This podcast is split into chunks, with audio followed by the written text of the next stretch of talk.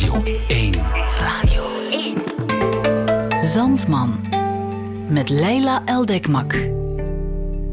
In deze reeks ontdekken we prachtige kortverhalen, maar we ontdekken ook hoe heerlijk het is om voorgelezen te worden door de stem van iemand die weet hoe het moet. In deze aflevering is het aan actrice Nathalie Broods. Zij kiest voor het kortverhaal van Hariko Murakami met de heerlijke titel, ik ga even ademhalen voor ik hem voorlees, hoe ik op een zonnige ochtend in april mijn 100% perfecte meisje tegenkwam.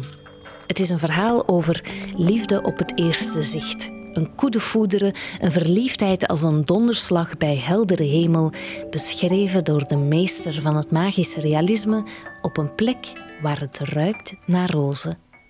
Sluit je ogen als het kan en laat je meevoeren. Dit is Nathalie Broods. Zandman.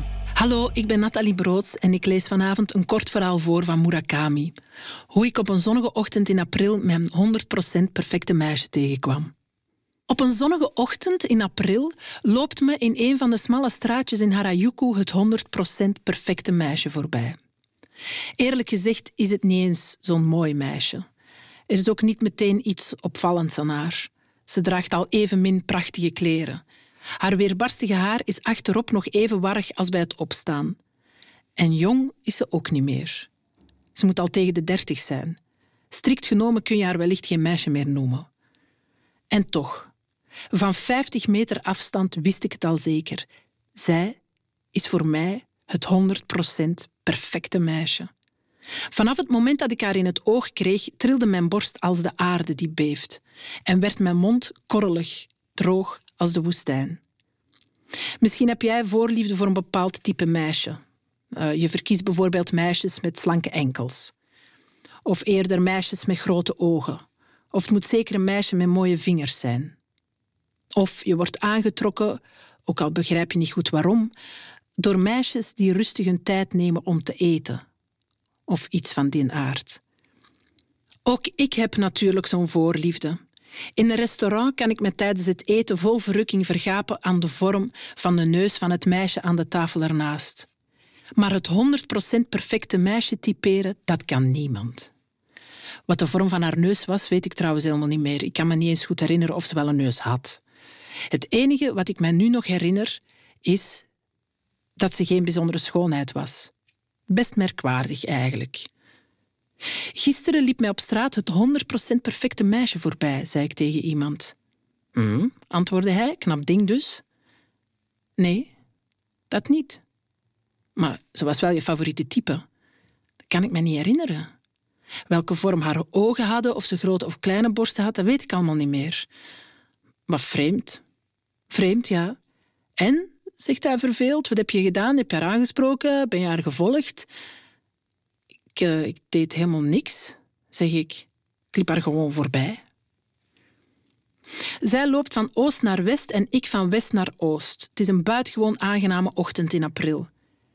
Ik zou graag, al, al is maar een half uurtje, met haar een praatje maken. Ik wil haar levensverhaal horen. Ik, ik, wil het, ik wil haar het mijne toevertrouwen. En meer dan wat ook wil ik haar uitleggen hoe de kronkels van het lot ertoe leiden dat we elkaar voorbij liepen in een straatje in Harajuku op een zonnige ochtend in april van het jaar 1981. Na ons gesprek zouden we ergens lunchen. Uh, waarom geen film van Woody Allen gaan kijken en even langslopen in de bar van een hotel om een cocktail of zo te drinken. Als het mee zat, zou ik daarna misschien met haar naar bed gaan. Mogelijkheden kloppen aan op de deur van mijn hart. De afstand tussen mij en haar is geslonken tot amper 15 meter. Oké, hoe moet ik haar in hemelsnaam aanspreken? Hallo, uh, wilt u even met mij praten? Een half uurtje is voldoende. Nou, dat is al te idioot. Het klinkt alsof ik haar een verzekering wil aansmeren. Neem me niet kwalijk. Is hier in de buurt een wasserette die dag en nacht open is? Dat is al even idioot. Ik heb om te beginnen toch geen zak met wasgoed bij mij. Wie zou nu zonsmoes geloven? Of misschien kan ik het er beter in alle eerlijkheid uitgooien. Hallo, weet u, u bent voor mij het 100% perfecte meisje.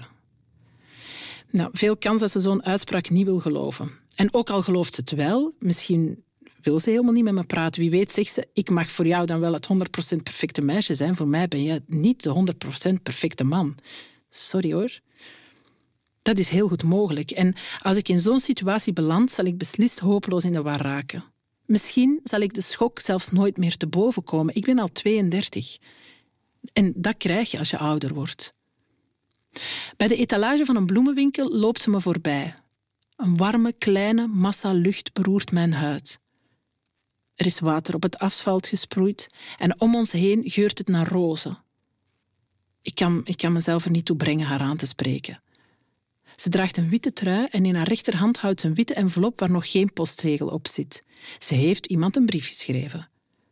Haar ogen zijn erg slaperig, dus misschien heeft ze er hele nacht over gedaan om hem te schrijven. En wie weet bevat die envelop al haar geheimen. Als ik na een paar passen omkijk, is ze al verdwenen in de menigte. Natuurlijk, nu weet ik maar al te goed hoe ik haar toen had moeten aanspreken. Maar mijn tekst is hoe dan ook te lang en dus had ik hem vast nooit behoorlijk uitgesproken gekregen. Zulke bedenksels van mij zijn nooit erg praktisch. In elk geval, die tekst begint met lang, lang geleden en eindigt met Vind je dat geen droef verhaal? Lang, lang geleden waren eens een jongen en een meisje. De jongen was 18, het meisje 16. De jongen was niet bijzonder knap, het meisje niet bijzonder mooi. Ze waren doodgewone, eenzame tieners, zoals je die overal hebt. Maar ze geloofden stellig dat er ergens op deze wereld iemand was die 100% bij hen paste. Ja, ze geloofden in een mirakel. En dat mirakel gebeurde ook. Op een dag liepen ze elkaar tegen het lijf, op de hoek van een straat. Dat is schrikken. Ik was de hele tijd naar jou op zoek. Je zult me misschien niet geloven, maar jij bent het 100% perfecte meisje voor mij, zei de jongen tegen het meisje. Het meisje zei tegen de jongen: En jij bent precies de 100% perfecte jongen voor mij. Van top tot teen, zoals ik het mij had voorgesteld. Het lijkt wel een droom. De twee gingen op een bankje in het park zitten, pakten elkaars hand en bleven eindeloos praten. Ze konden er geen genoeg van krijgen. Ze waren niet langer eenzaam. Ze hadden hun perfecte partner gezocht en ze werden zelf ook door die perfecte partner gezocht. Wat prachtig is het, je 100% perfecte partner zoeken en zelf ook door die 100% perfecte partner te worden gezocht. Dat is een kosmisch mirakel. Maar toch flitste heel even, heel even de twijfel door hun hart. Mocht hun droom wel zo eenvoudig waarheid worden? Toen het gesprek plotseling stilviel, zei de jongen: Weet je, laten we het nog één keer proberen. Als wij twee echt de 100% perfecte geliefde voor elkaar zijn, zullen onze wegen elkaar vast ooit opnieuw ergens kruisen. En bij onze volgende ontmoeting, als dus blijkt dat we inderdaad 100% perfect voor elkaar zijn, zullen we onmiddellijk trouwen daar ter plekke. Afgesproken? Goed, zei het meisje. En toen gingen ze elk hun eigen weg. Zij naar het westen, hij naar het oosten. Maar om de waarheid te zeggen, het was helemaal niet nodig geweest de proef op de som te nemen. Ze hadden zoiets nooit mogen doen omdat ze wel degelijk de enige echte 100% perfecte geliefde voor elkaar waren. Omdat het wel degelijk een miraculeuze gebeurtenis was. Maar ze waren nog te jong om zulke dingen te weten. En zo zouden de twee een speelbal worden op de golven van het onvermijdelijke noodlot. In een bepaalde winter liepen ze allebei een kwaadaardige griep op die dat jaar woedde. Ik ga het nog eens lezen, maar ik vind het wel ongelooflijk. In een bepaalde winter liepen ze allebei een kwaadaardige griep op die dat jaar woedde, en verscheidene weken lang zweefden ze tussen leven en dood, waardoor al hun oude herinneringen werden uitgewist. Toen ze ontwaakten was hun hoofd zo leeg als de spaarpot van D.H. Lawrence in zijn jeugd. Maar omdat het twee verstandige, geduldige jonge mensen waren, maakten ze zich met onverdroten inspanning nieuwe kennis en emoties eigen en slaagden zo op schitterende wijze in hun terugkeer naar de samenleving. Ze waren werkelijk keurige mensen.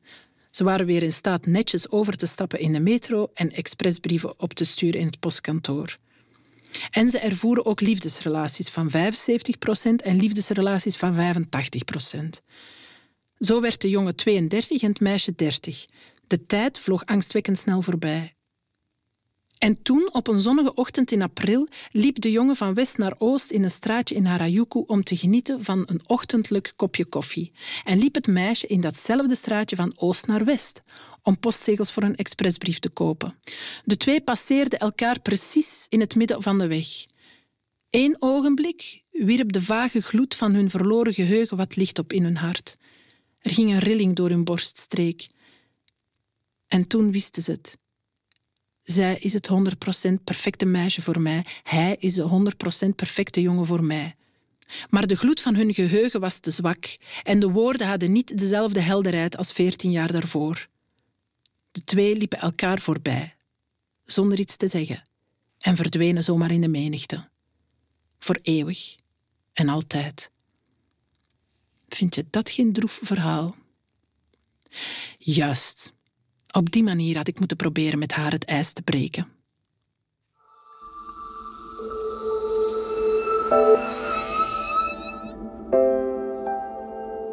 Zandman. De mooiste verhalen voor het slapen gaan. Dit was hoe ik op een zonnige ochtend in april mijn 100% perfecte meisje tegenkwam. 100% perfect voorgelezen door de fantastische Nathalie Broods. Deze reeks is een onderdeel van Zandman, een programma van Radio 1. Meer info vind je op onze website radio1.be. Luister je trouwens graag naar podcasts, radiodocumentaires of ontdek je graag maffe audio-experimenten? Ga dan zeker naar de website, want Zandman verzamelt de zotste en mooiste werken. Is dat allemaal niets voor jou en houd je het liever op deze reeks? Dan heb ik nog goed nieuws. Want in de volgende aflevering is het aan de fenomenale actrice Janne de Smet. Zij zal voorlezen uit haar lievelingskortverhaal. Wat dat is, ontdek je in aflevering 4.